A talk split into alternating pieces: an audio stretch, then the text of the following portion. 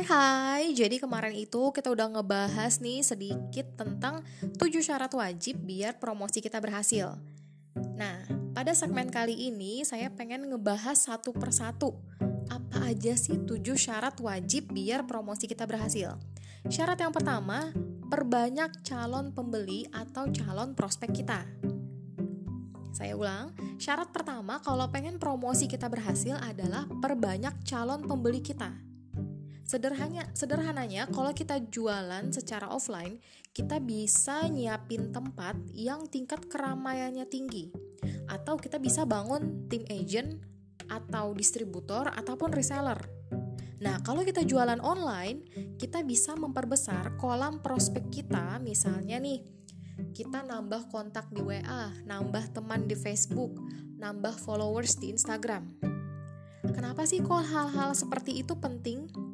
Ya sederhana aja, kalau kamu mau jualan sampai berbusa pun hasilnya nggak akan besar kalau kita nggak punya calon pembeli yang banyak.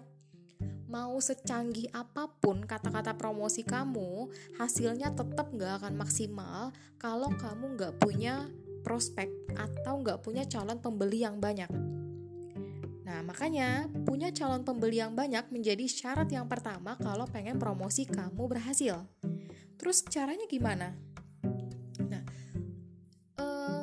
Ada beberapa cara kalau uh, kalau mau menambah calon prospek kita dan biar calon prospek kita itu mau masuk ke kolam kita.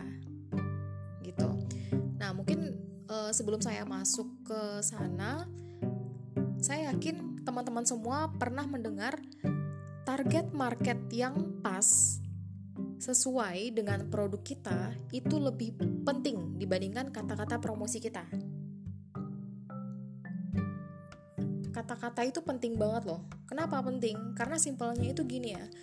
Gimana caranya kita promosi, terus promosi kita itu berhasil, terus kita jualan. Uh, contohnya nih, kita jualan website.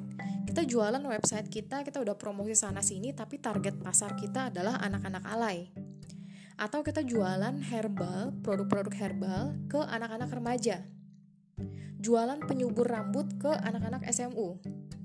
Ya itu sih namanya nggak sesuai sama target market kita atau target pasar kita. Jadi perlu diingat, target pasar kita yang sesuai itu sangat penting. Misalkan, uh, atau contoh lain nih, uh, kamu misalkan jualan baju bayi, maka target pasarnya siapa? Ibu-ibu, mamah muda misalkan. Nah, Sebelum saya jelasin lebih lanjut gimana caranya membangun kolam prospek, kamu perlu tahu nih beberapa hal uh, yang bikin calon prospek itu mau gabung di kolam prospek kita. Yang pertama, kamu bikin penawaran spesial. Biasanya orang gabung karena sedang ada uh, program penawaran spesial atau promosi tertentu. Kemudian yang kedua, uh, orang tersebut suka sama status dan bahasannya.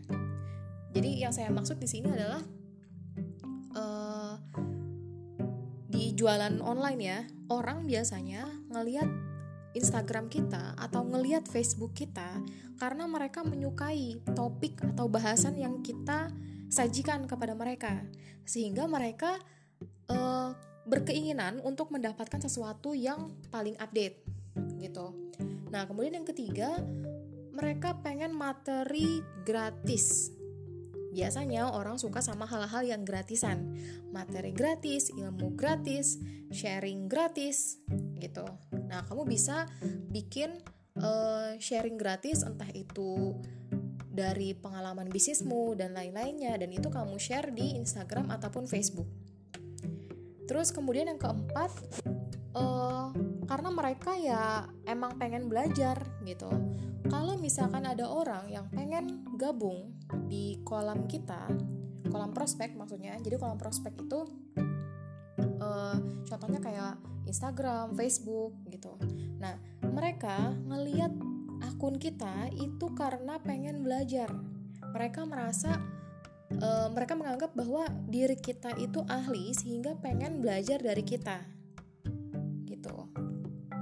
Oke, sampai sini uh, nangkap ya cara-cara membuat kolam prospek itu mau masuk ke kolam kita. Eh sorry, bagaimana caranya membuat uh, calon prospek itu masuk ke kolam kita.